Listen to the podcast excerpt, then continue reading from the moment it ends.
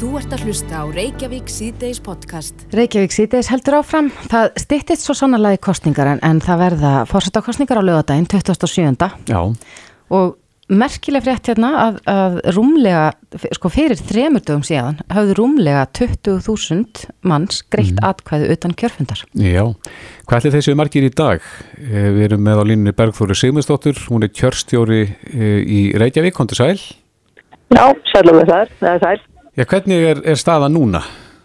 Í heildar atkvæði fjöldi núna er 31.305.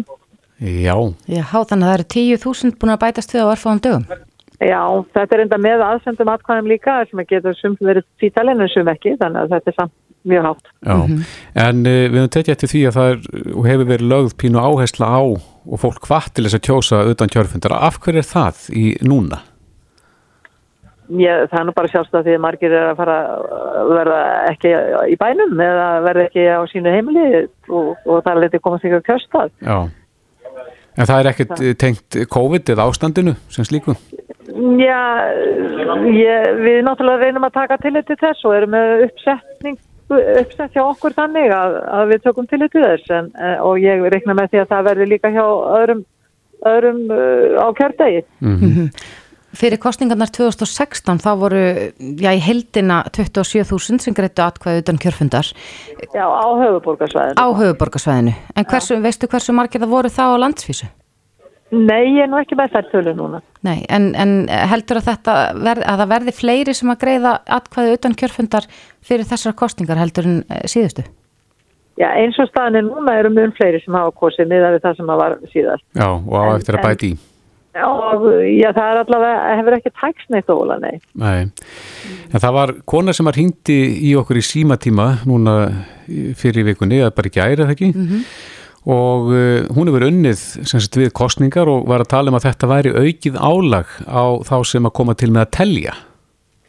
Já, það er þannig að utan kjörfundaratkvæðin þau eru alltaf talin síðust. Já, þannig að Og- það senkar. Það senkar og það er líka sko þannig að það þarf að merkja það sérstaklega í, í, í, kjörskrána, í bókina Mm og ef að það til dæmis þannig að það kemur uh, eins og kemur frá okkur sending bara á, á þessum talningarstað þá þarf að fletta upp öllu og fara að skoða hvort að við komum til kausi eða kausi ekki. Já, já, Þannig að það tefur náttúrulega talninguna sem slíka já. já. En það vil líka verið Bergþóra uh, komið upp umræðum það í, í kringum nánast alla kostningar sem ég man eftir að, að það ætti ekki að telja saman auð og ógild atkvæði. Hvernig verður það núna? Já, það veit ég ekki. Það sjá, sjá þeir yfir kjörstjórnir í kjörstjórnum. Já, af því að það er ákveðin stílabóð að stíla auðu. Já, já, sjálfur sér, það er kostning í sjálfur sér. Já, akkurat. Einmitt.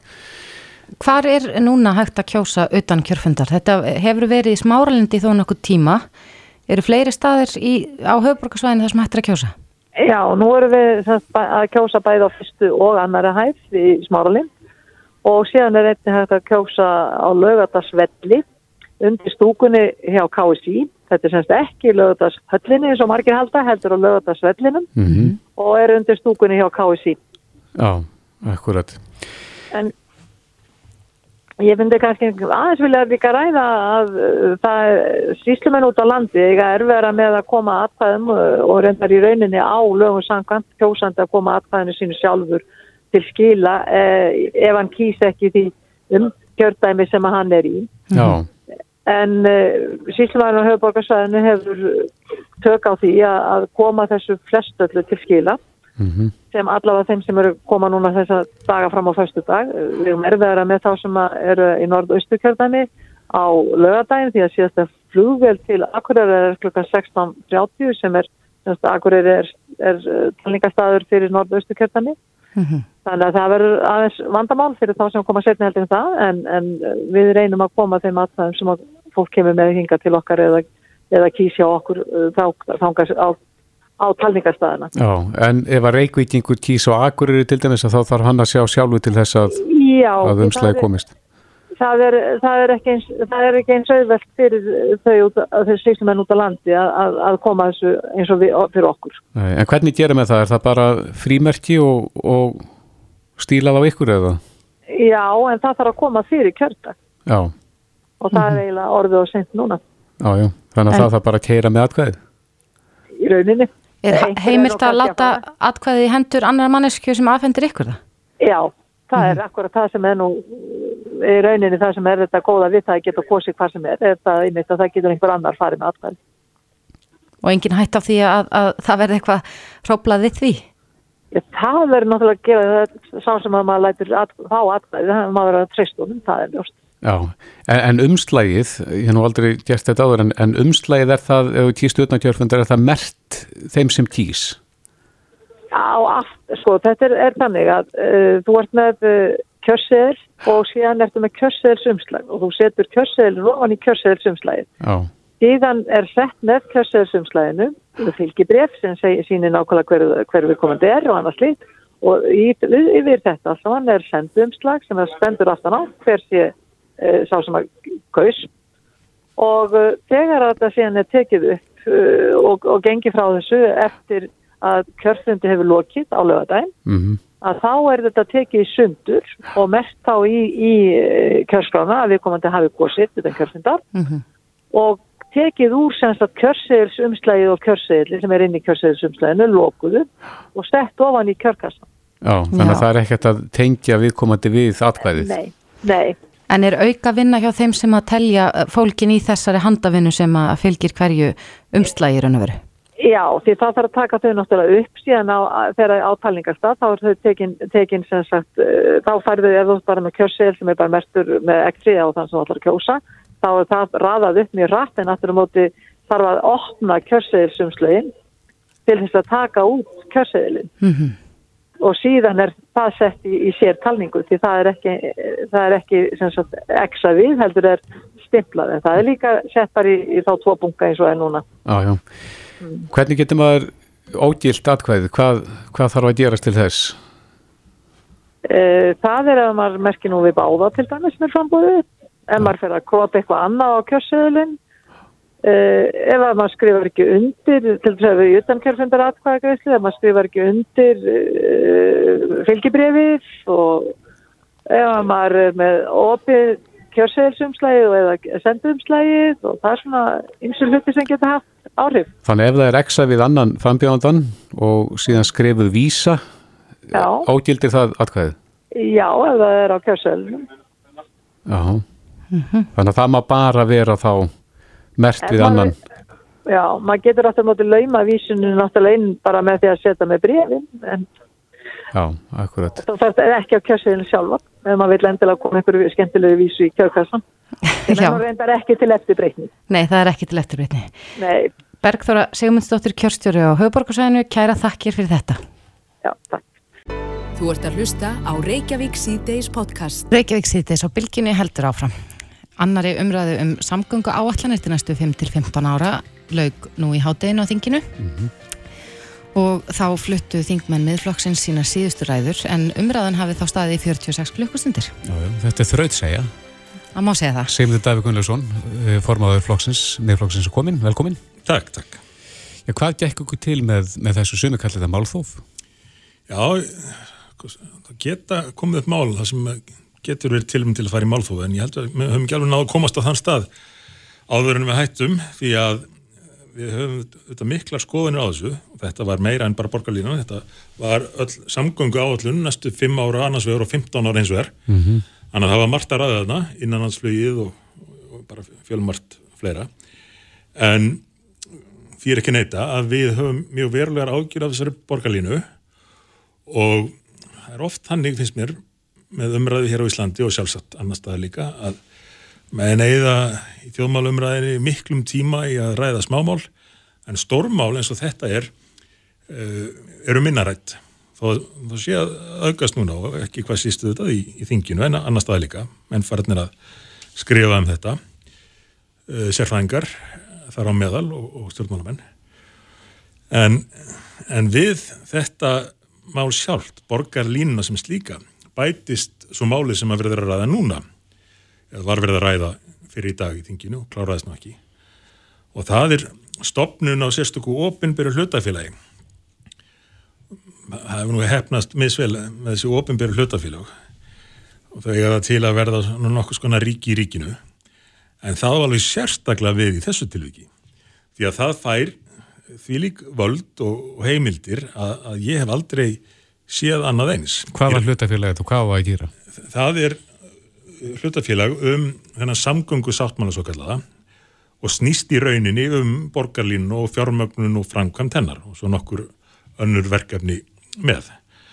Og þetta e, felur þau rauninni í sér að það verið að taka völdin af kjósendum hér á höfuborgarsvæðinu yfir samgöngumálum til 15 ára minnstakosti en svo þegar svona apparatir komið á stað þá, þá þekkja minn það nú að það er yfirleitt framlengt og heldur áfram að vindu upp á sig.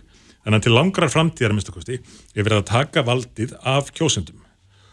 Og þetta er liður í því sem ég kalla stundum kerfisræði.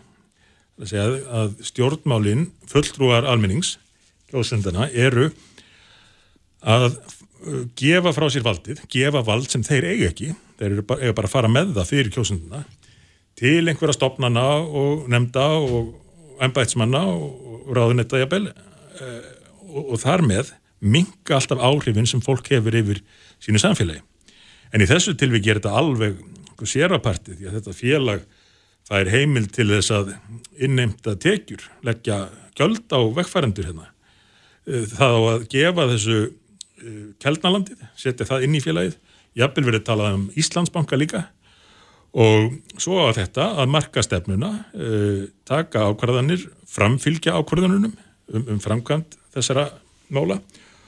Og jafnvel sérstaklega tekið fram í frumvarpinu að hafa eftirlit með sveitafélagunum ef þau eru ekki að fylgja planinu þá mun félagið reka á eftir þeim og fá þau til þess að breyta sínum samgöngu og, og skipla sállunum þannig að þetta nýja ríki í ríkinu það verður eiginlega aðra sett á vissan hátt sveitafélagunum sem að verða þá nýlendur nýjaríkisins og margt fleira mætti telja til þannig þeir eru meira segja, segja með eigin domstól því að ef það kemur upp ágreiningur um framkvæmdina þá er sérstakur stýrihópur sem á að kveða upp úr um það. Þá ekki að fara til stjórnmálun aftur.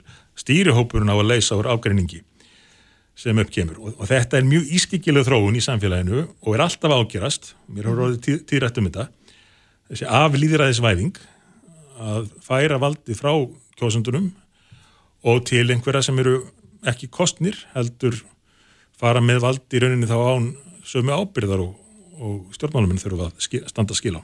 Hva, hvaðan kemur til að hann um þetta ofnbæra hlutafélag? Það kemur úr þessum svo kallega samgöngu sáttmála fyrst var þetta hann kallað samgöngu samningur svo var það einhvað viðkvæmt en nafnunum breykt í samgöngu sáttmála höfuborgarsvæðisins sem að e, Reykjavík borg og unnu sveitafjölu hér gerðu við fulltrúi ríkistöðnarinnar og snýst í rauninni fyrst og fremst um borgarlínuna og sést nú best á þessu frumvarpi um ofnbæra hlutafélagi sem ég var að tala um því að e, þar kemur fram að þanga til félagi verið stopnað eigi verkefni stjórnum borgarlínu að fara með hlutverk þess. En hvað gerist núna, Sigmundur, hvernig viljið þið lenda þessu máli? Hvað viljið þið að veri gert? Við viljum náttúrulega allt aðrar og miklu betri lausnir til þess að takast á við þann mikla vanda sem að umferðar öngþötti hérna á höfuborgarsvæðinir orðið.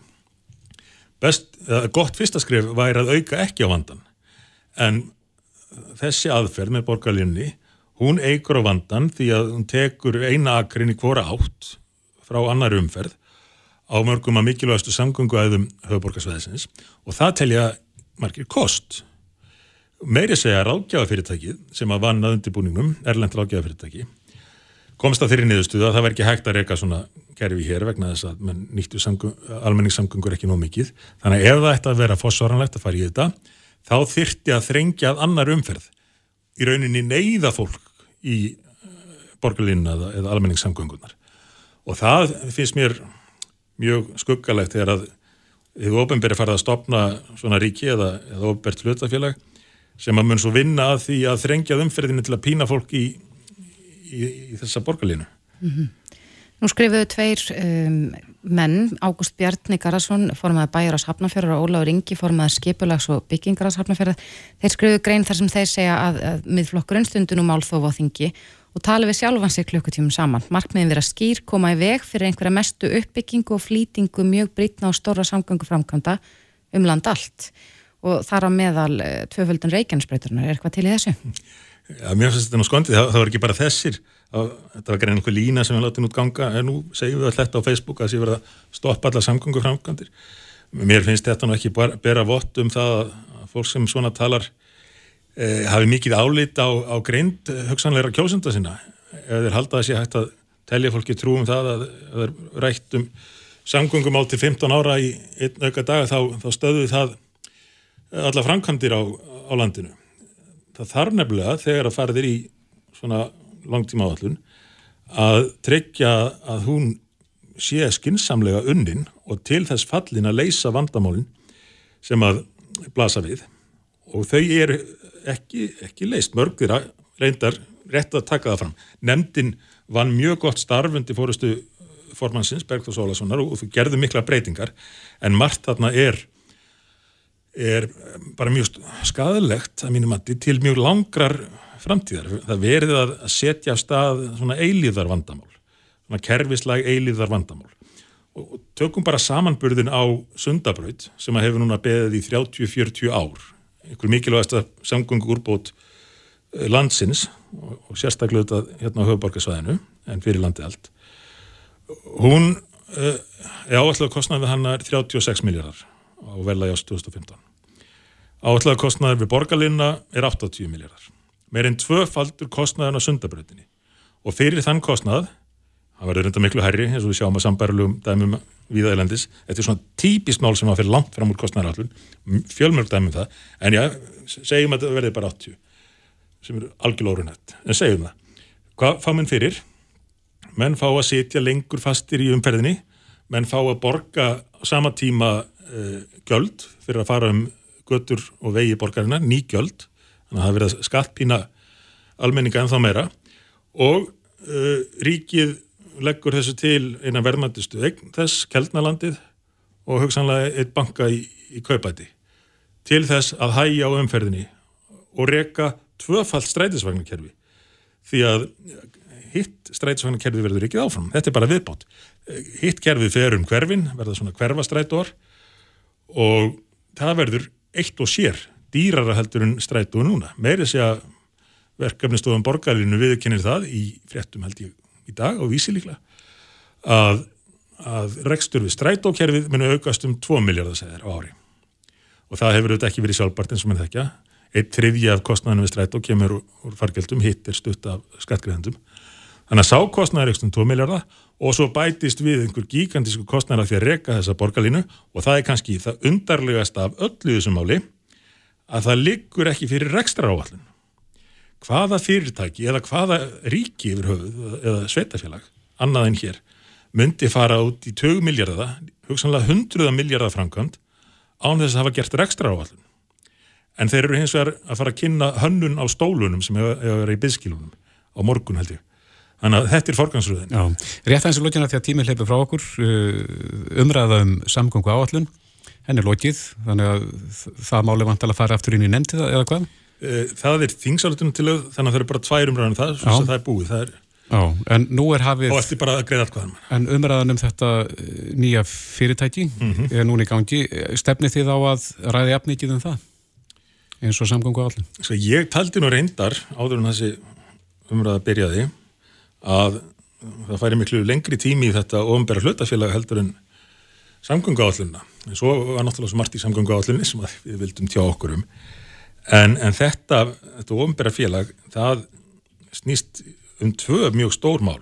Um þessar langtíma breytingar á samgöngum hinn á höfuborgarsvæðinu þessar þrengingar og um eðlið þessa ofinbæra hlutafélags og kerfisvæðingu í samfélaginu and líðræðislega mínum að þetta kerfisvæðingu þegar að það fer að hætta að skipta máli á kjördag hvaða flokku kýst því að það er bara kerfið, einhvað ofbert félag og aðri sem að sjá um að stjórna þessu mm -hmm.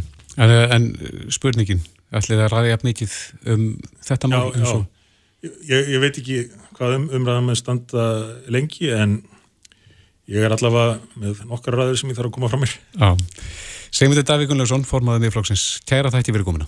Takk sem þess. Frettir og fróðleikur. Reykjavík síðdeis á bylgjunni. Í gær var umræðið þættinum um uh, lestarsamgöngur. Mm -hmm. Við heyrðum í Rönnólu Ágúsinni sem að fer fyrir þessu félagi sem að er uh, að vinna núna undibúningsunnu til að koma á hraðalestarkerfi milli höfuborgarsæðisins og keflaðugur. Já, þetta hefur nú verið lengi í umræðinni Já. og hann talaði um að væri mikill ávinningur af því að koma þessu í gang en þetta væri vissulega kostnaðasamt og, og gæti tekið tiltölulega langan tíma. Já, Að en það sem að strandar á núna, það er þess að síðasta púslið til þess að þetta, taka þetta mál á næsta stig, það er Hafnarfjörður. Mhm. Þar bara stendur nýfurinn eitthvað starf pikkfastur í kunni. Já og hann saði það nú hann raunólur í gær og, og það gefur auðvitað leið að það er ekki hægt að fara í kringum Hafnafjörð Nei, nei. á leiðinni til Keflavíkur. Nei, eh, Hafnarfjörður þarf að spila með. Rósa Guðbjörnsdóttir, bæjarstjóri í Hafnarfjörði er á línu, kom. Já, hvað tefur ykkur? Já, sko þetta hérna, hefur svo sem ekki komið til endanlegra afgriðsli í bæjast að tjá okkur en var í rauninni frestað núna fyrir, það er komin tvö ár síðan, við vorum síðast með til umfjöldunar og, og vorum með evasendir um að, að gera slíkt samkomulega eins og vera óskæftir, við töldum að það gæti verið íþingjandi eða skuldmyndandi skulum við segja og, og fannst alltaf óljóst hvað e, hversu skuldmyndandi það gæti orðið og, og, og hérna í, af þeim sögum að þá uh, vorum við ekki tilbúin til þess að, að uh, skrifa upp á slíkt og, Í hverju fælst þetta, eh, þetta hérna samkomulag eða skuldbinding? Já, það, já, það til dæmis uh, er að, í rauninni í þessu fælst að það þurfi að útvega nöðsynlega lóðir í deiluskipulagi og við þyrstum þá að fara í, í uh, ákveðna breytingar eða bara í breytingar á til dæmis aðalskipulagi og fleiru og, og við okkar lagmenn máttu það svo með okkur að, að á þessu stíja þá væri hérna þetta skuldbindinga gildi kannski það óvist og, við, og hvaða áhrif það myndi hafa til uh, framtíðar á ákvarðanir sveitafélagsins í skiplasmálum. Ég meina við hérna... Er það ekki bara sam og öll hins sveitafélagin er að gera? Jú, jú, það getur vel verið, en við bara skoðum þetta hérna, þannig að við töldum okkur ekki tilbúin til það að hérna, gera þessar nöðsynlega breytingar á skipulagi til þess að koma þessi í kring og þetta er gríðarlega eh, fjár, mikil, mikil fjárfesting og mikil skuldbytting að, að, að, eh, á þessum gæðum sveitafélagsins og og við vorum bara ekki tilbúin og höfum ekki verið tilbúin til að festa okkur þannig niður.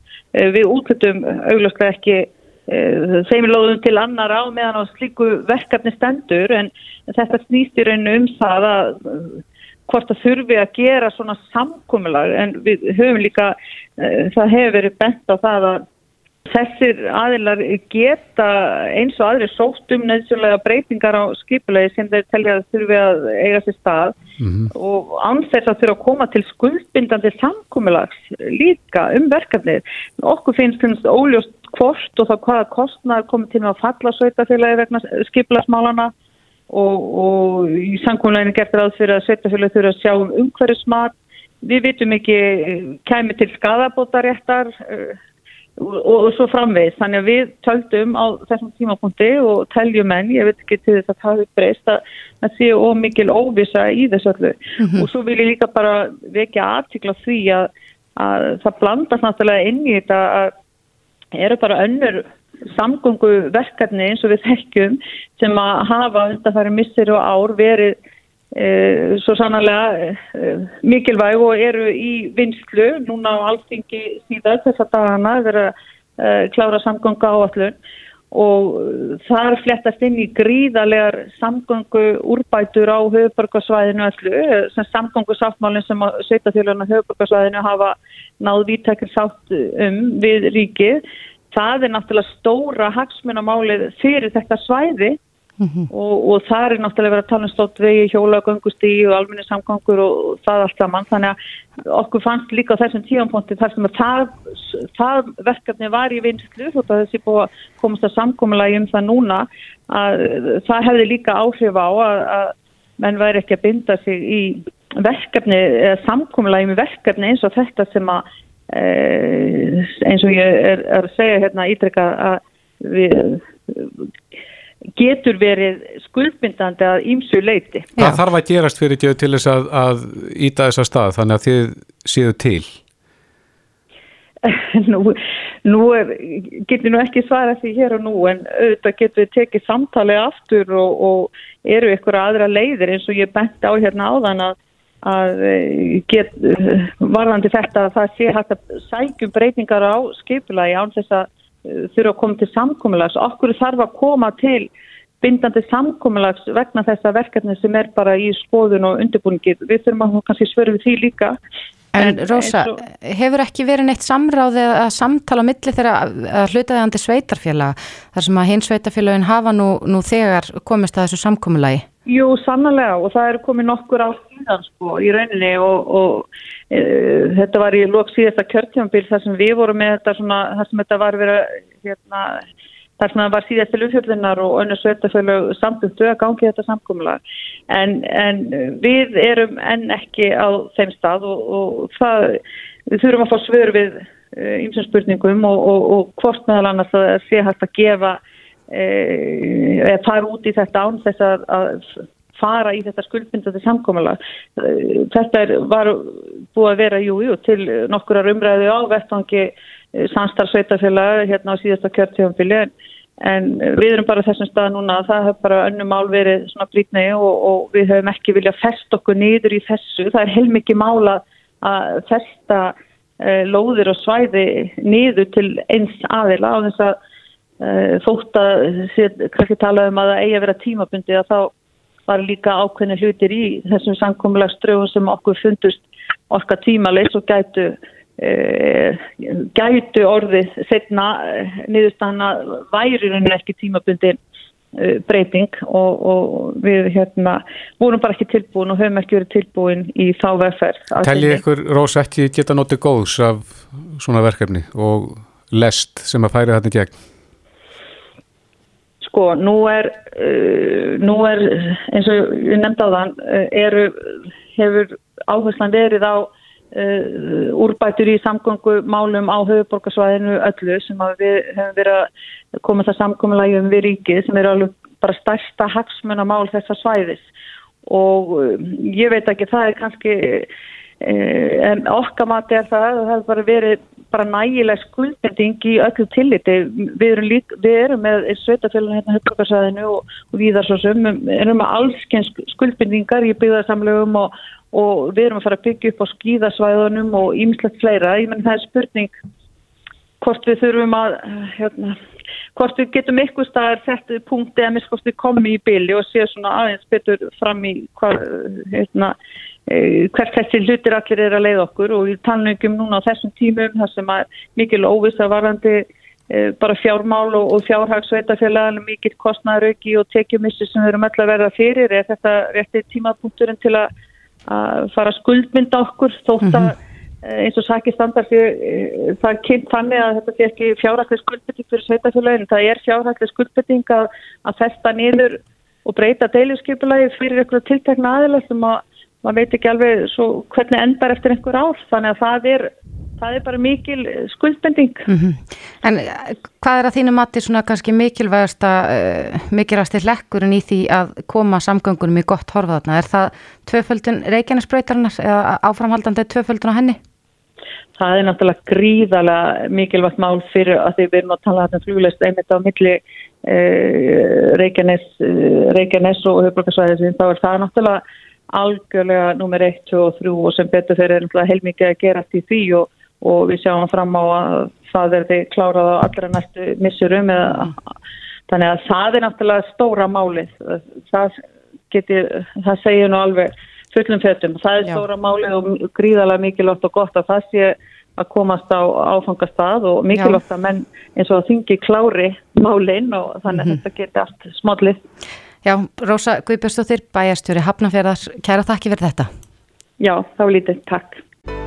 Hlustaðu hvena sem er á Reykjavík C-Days podcast. Ég var að lesa hérna grein á, á uh, eh, MBL þar sem var við að tala um að starfshópur um aðgeri gegn matarsón hafi afhengt Guðmundur Inga Guðbrandsinni umhverfisráð þeirra sínar tillögur Já, til að draga úr sóun. Já, og að það í raun og veru þurfi bara að leggja grunna að breytum hugsunarhætti fólks með því að alveg kynnslóður sem henda ekki mat. Já, En þetta eru svakalega tölur þegar maður les um matarsón, hversu mikið af mat við í raun og veru hendum. já, ég var rosalegur á þessu leiti hérna þegar ég var yngri. Já. Það var bara ef að, ef að mjólk var komin sko nálagt síðasta hérna söludegi að þá vildi maður allar snert hana.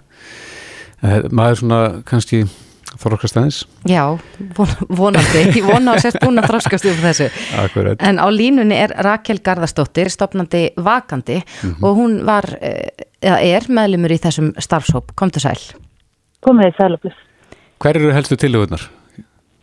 Já, það eru 24 og allar er náttúrulega mikilvægar. Uh, hlutaðum snýr að stjórnvöldum og hinn hlutin snýr af viðskiptalífuna Mm og okkur, neyt, okkur neytendum. Já, getur þú svona aðeins reyfað þetta?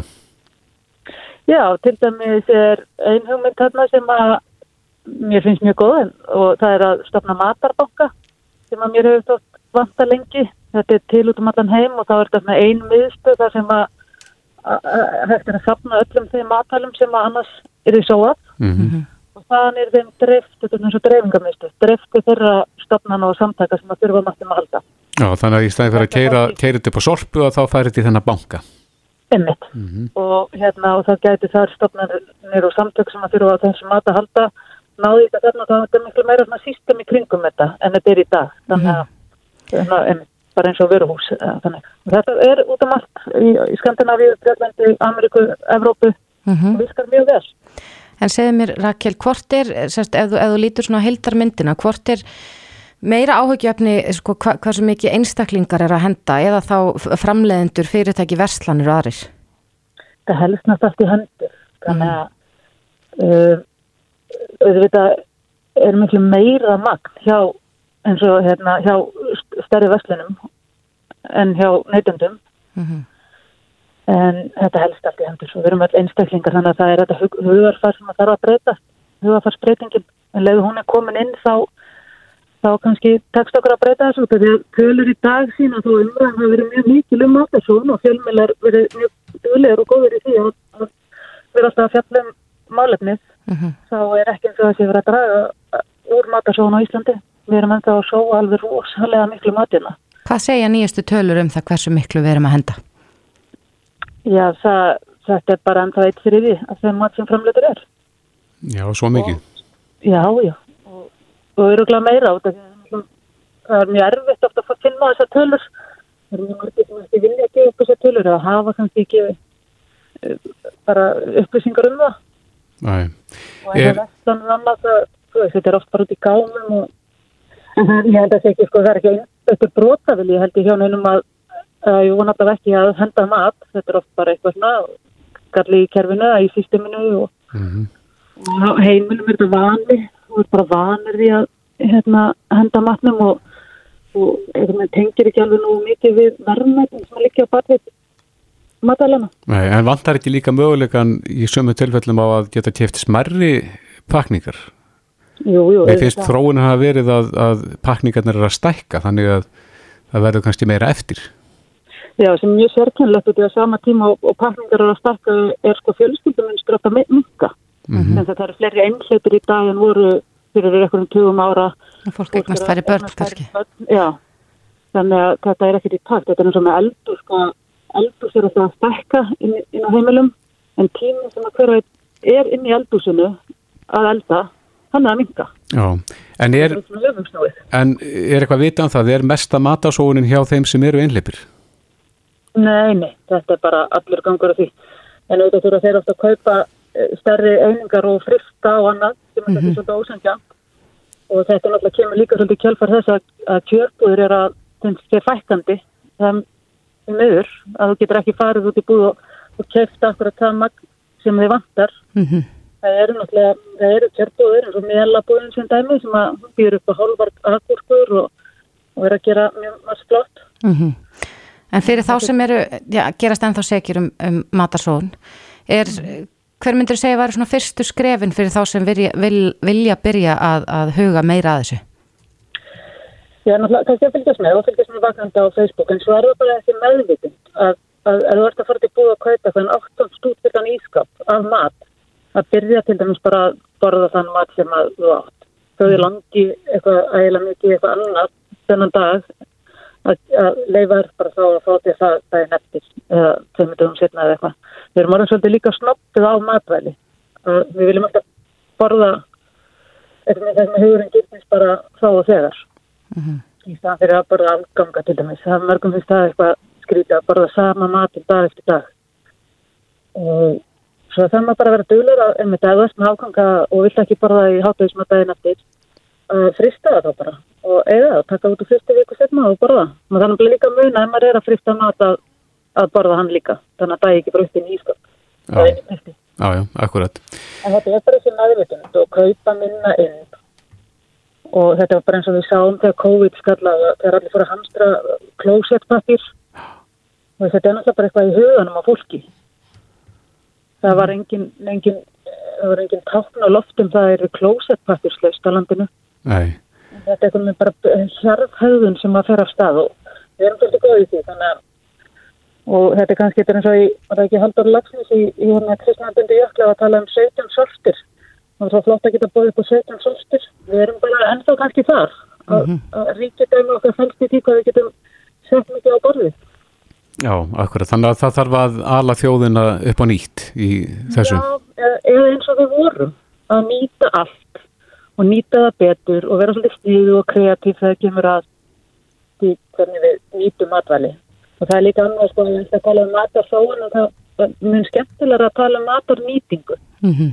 það er ímestætt sem að er til í heiminum og Íslandi sem að við erum ekki að nýta sem að er vel hægt að borða Já, þannig að við þurfum að nýta matinn betur. það er meiri nýskapil og, og já, Já. Rakel Garastóttir, stopnandi vakandi, kærar þakki fyrir þetta. Gaman að heyri ykkur Sömulegis. Reykjavík síðdeis á bylgjunni. Jæja, við ætlum að kíkja þessi tæknihotnið, um, gaman að því annars lagið, enda Já. Íslendingar upp til að hópa tækni og þjóð. Já, sömur meirinn aðrir. Já, akkurat. Alli Stefán Ingvarsson hjá tæknivarpinu Simon.is er komin til okkar, velkomin. Takk fyrir. Það var þessi e, ráðstefna sem að hófst í, er það ekki gær, Jú, mikið rétt. e, Apple ráðstefna. Já, Það sem Apple er að tala við e, þá sem að hanna upp. já, Er það það ekki sem þróa Já. einhvern hugbúna fyrir þeirra tæki og, og styrkjari. Já, Þetta er kallað DubDub sem er stytting á WWDC, World Wide Developers Conference Mhm. og þetta er alltaf haldið á svipum tíma og núna náttúrulega kannski, ég held að henni að senka áminni mig, hún er auðvitað öll á netinu núna út af hérna, ástandinu sem ríkir. en þetta gefur vísbendingar og það, e, þá tækni sem er að koma er það ekki ný í tækin. Jú, þetta gefur vísbyrðugur um það er raunni mörg stýrikjöri á valdi Apple í dag. Það er verið að gefa út hérna, stýrikjöri fyrir iPhone sem þau kalla iOS og eh, er þetta líka fyrir iPod Touch sem er þetta ekki mikið seldrist hana út af einhver öðru tæki sem átt söluna og eh, svo er hérna búið að taka í sundur hérna iOS fyrir iPad. Það er heilt stýrikjöri núna út fyrir sig, var það í fyrra fyrst. Og svo er auðvitað það gamla góða sem flesti þekkja af tölvunum, það er macOS og svo er tvOS sem er notað fyrir Apple TV sem er einn algengasti afruglari Íslands í dag sem, og það er líka notað fyrir HomePod hátalarkerfið sem Apple er að smíða Mm. Og hvað er nú svona það stærsta? Hvað, hvað, hverju eigum við von á? Sko, það er hérna mikið búið að býja til einnig breytingu sem loksins er að koma uh, sem er heimaskjárin á iPhone eða sérst eða homescreens uh, sem eru hérna það sem þú sér dagstæðlega það sem öppin eru gemt og svo líka þessi Today skjár sem hefur aldrei fengið gott íslensk nafn sem er til vinstri við fyrsta skjáin það sem úr með svona widget svo kvöldið eða svona skjágræjur eins og ég einhvern veginn þýtti þetta fyrir Simon.ri fyrir síndíma Einmitt. og það er að fara að taka rosalega breytingum. Uh, fyrsta lagi, sem sagt, skjá, skjágræðinar hafa bara átt heima þarna til vinstra, til vinstri við heimaskjáin það er fara núna inn á alla skjái. Þú getur bara dreigið þau inn á einhvern skjá þannig að þú getur verið með kalendar skjágræði eða þessi staðallega skjágræði og fengið að sjá næsta viðbyrð Þannig að þessi svo kallið widget, þú getur í rauninni planta þeim hvar sem er. já, já. og veistu, þetta hefur verið gaggrinni þeirra sem nota Android mjög lengi að þetta hefur vantað mjög lengi á, fyrir iPhone Mhm. og þetta kemur líka auðvitað fyrir iPad og sérst, svo er mér svona, svona machine learning eða hérna, tækni sem í rauninni sýnir er sem er eitt widget en breytist yfir tíma dags eða hvað út stödd eða stattur og sýnir er, just, nú viltu nú er komið eftir mig degi, þú ert líklega að fara í rektina og þá viltu fá activity ringina sem eru tengdir Já, úr þannig að hann les svolítið í hegðunna Já. þína ef þú ert, ef þú ert vanalega að gera eitthvað á einhverjum tíma dags að þá svona fattar síminn það. Já, og svo eru margir sem eru með svona marga,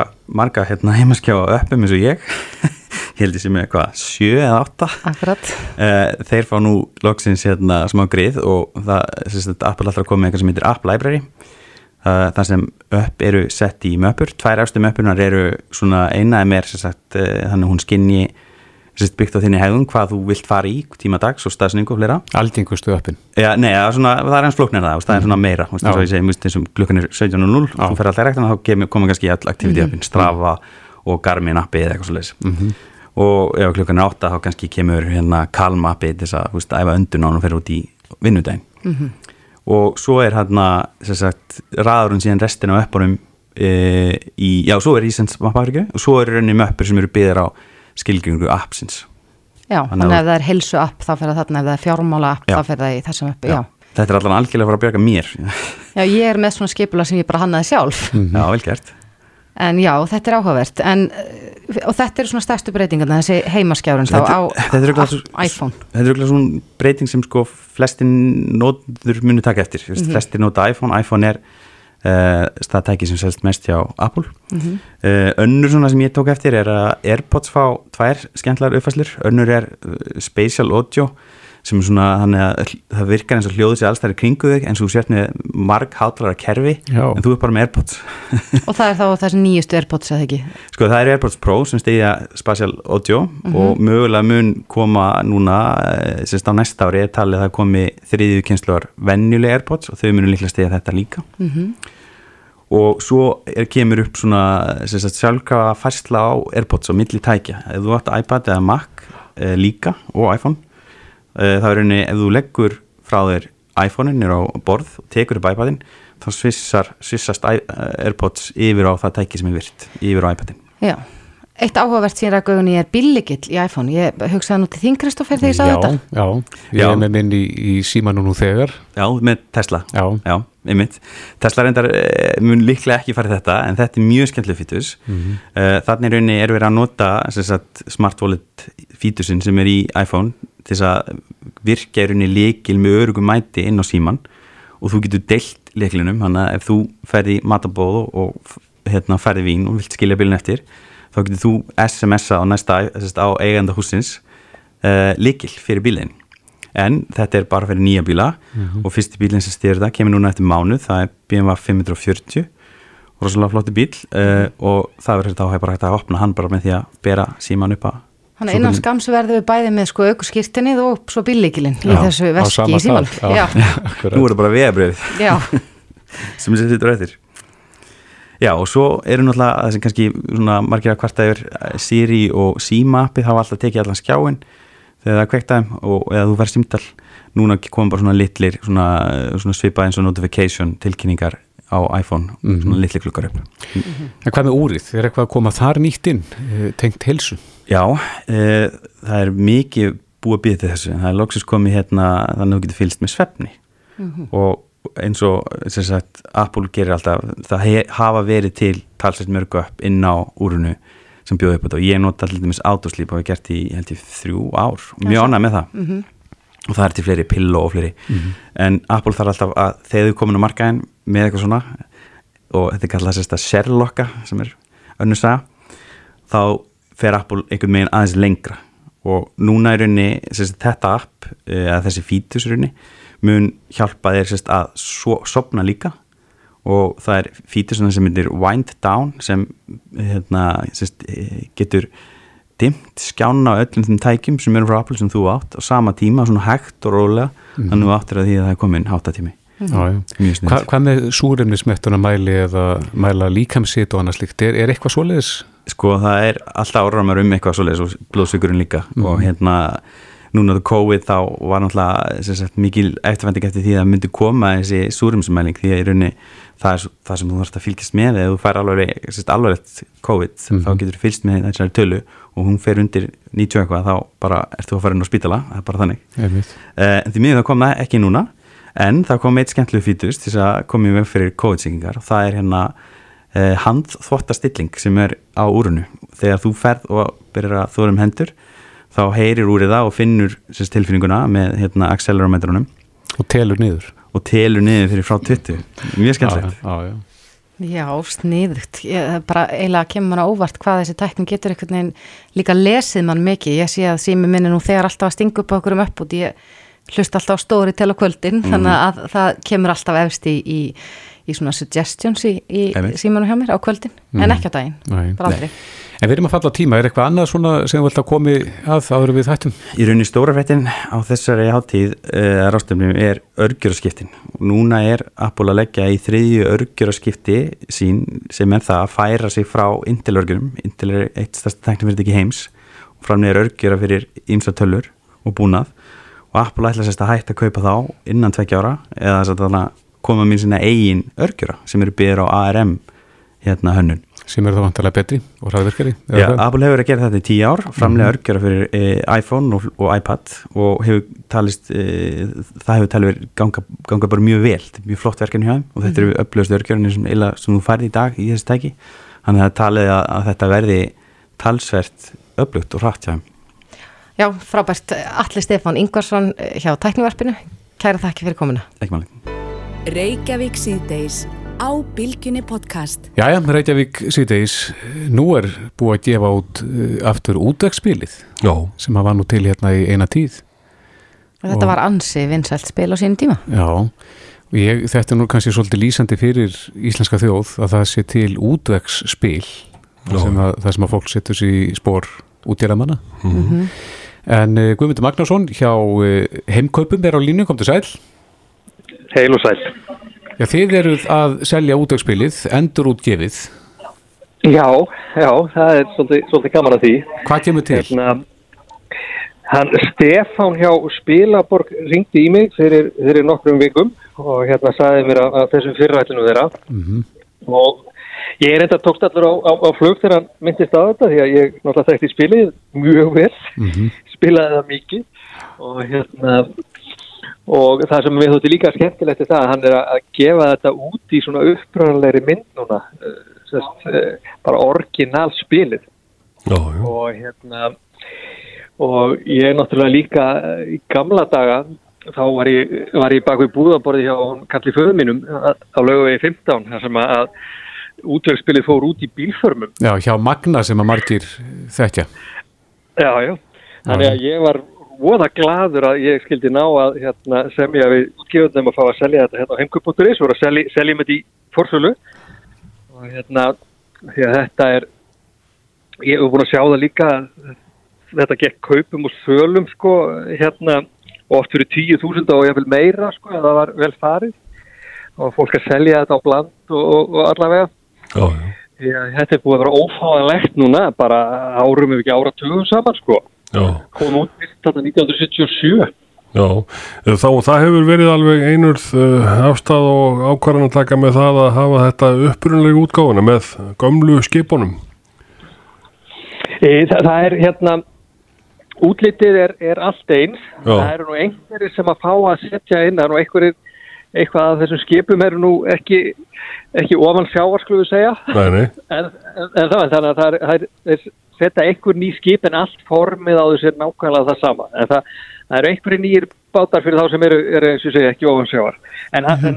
allt borðið og, og, og hérna, peningarnir og, og allt þetta er bara, bara nákvæmlega eins og öll spjöldin. Ég, ég veit ekki hvort, hvort þið spiluðu þetta spil sko en, en hérna spjaldi sko, þú ert staðin á ólöglegum veiðum, ef þú ert í þessum ring borgaði þetta marga skip, þetta er er alveg klassik sko. Þannig eru fjóra mílurnar 50, eða 12, 50 og og 200. Já, passar. Já, já, þannig að þú þarft að halda því í réttina landhelgi. Mm Já, já, já. Já, ég get ekki sagt Og- að ég hafi spilað þetta spil reyndar en, en ég sé þó hérna í, í einhverju umfjöllur um spilið að, að það verða gerðar þær breytingar með þessar nýju útgáfu að það geta alltaf áttamann spilað en ekki einungis fjórir eins og var greinláður og að það fylgi einni uppfærða reglu fyrir lengra komna en það er miði við núverandi fiskveðstjórnakerfi. Já, ég á eftir að sjá nýju reglunar en hérna en ég hlakka mikið til að, að, að hérna, fá það í hendur því að það sem að, að Stefán þetta lánaði mér, mér spilið sko núna hérna í, í gær í eitt sólarhing en ég er nefnilega eins og kannski margir hafa lendi í að einhver tíma var spilið lánað eða í einhverjum flutningum eitthvað. Þannig að ég misti sjónar á mínu eintæki, ég er örgulega fyrir, já ég hugsa svona ætla það sé ekki svona einhver 10-15 ár síðan miskusti. þannig að, að hérna, og þetta var spilað þannig að sko, kassin var margteipaður og þetta var orðið svona snjáð sko, eins og eins og, sko, eins og svona gömur skólabók sko. Já. En hvernig, svona kannski í rétti lókning, hvernig hafa viðtökurna verið? Það er að vera alveg ótrúlega sko. Við vorum hérna bara, við byrjuðum að selja núna bara í síðustu viku og vorum strax komin sko yfir 500 spil sett. Þannig að- að ég á vona því að þetta spil verði uppselt eða fasta því hérna áður en það kemur út og það kemur frá þeim 1. september og þetta er ekki sko, þetta verður allt framleitt á Íslandi, það er náttúrulega merkilegt. Þetta verður hérna, við munum sjá um prentun á þessu, þessu prent með dotti og, og, og, og kallarnir, þess að skipin sjálf og fristuhúsin úr timbri framleitt hér á landi. Þannig að það er nú líka svolítið skemmtilegt að, að, að þetta sé, sé prentað hér sko. En, það stærðin á því og það, þetta er ekki svona þessi hefðbyrni spilakassi sko sem er framleittur í Kína. Þannig að það er nú það sem gerir þetta líka, líka mjög skemmtilegt. Já, já. Uh, fyrstu erum með á línu og þú ert náttúrulega búin að koma þér inn inn í þetta mál. Eh, Hefur eitthvað heyrt af uh, frekari áallunum um endurútgáfi spila? Það eru þarna mörg gömul góð spil eins og efnaðarspili sem kom út á sínum tíma. Já, já, heyrðu, það, ég, maður er nú ekki hissa á því að, að menn myndu draga upp fleiri spil. Já, Að hérna viðtökunar af þessu spili eru, eru með þannig að, gefa full tilmyndi þess. En reyndar er útvöksspilið, það er svolítið sérstakt, sko, því að meina það var endurútgefið, sko, útvöksspilið og það er ekki oft sem að það gerist með íslensk spila að það þarf að endurútgefa þau. Þannig að við erum að fara inn í, í þriðja skipti og ég man bara ekki eftir því að það hafi gerst, sko. En ég, ég er ekkert hiss á því, það er náttúrulega alls konar gömul spil, sko, það er menn tala hann um efnagarspilið og, og svo náttúrulega ennþá eldri sögurspilið og það var til rallyspilið og, og, og hérna það er- búið að gefa út ansi mikið af, af íslensku spilum en ég held einhvern veginn að útvegsspilið svolítið svona stendur upp úr og, og, og það er líka vegna að þetta er alveg þrjusu skemmtilegt spil. Það er svona náttúrulega enda punkturinn sko að, að þetta er spil sem að, að, var spilað alveg lón og dóna því að það var bara svo skemmt Já, maður þarf ekkert að vera sérfræðingur í sjáurútusmálum til þess að spila það. alls ekki, alls Nei. ekki Guðmundur Magnarsson, fórstjóri heimkaupa, uh, gangi ykkur vel með þetta, við, við fáum kannski nýjar tölur Já, síðar. bara alveg, alveg, alveg endilega, alveg endilega. Takk fyrir. Takk fyrir kjærlega. Takk, bless. Þetta er Reykjavík C-Days podcast.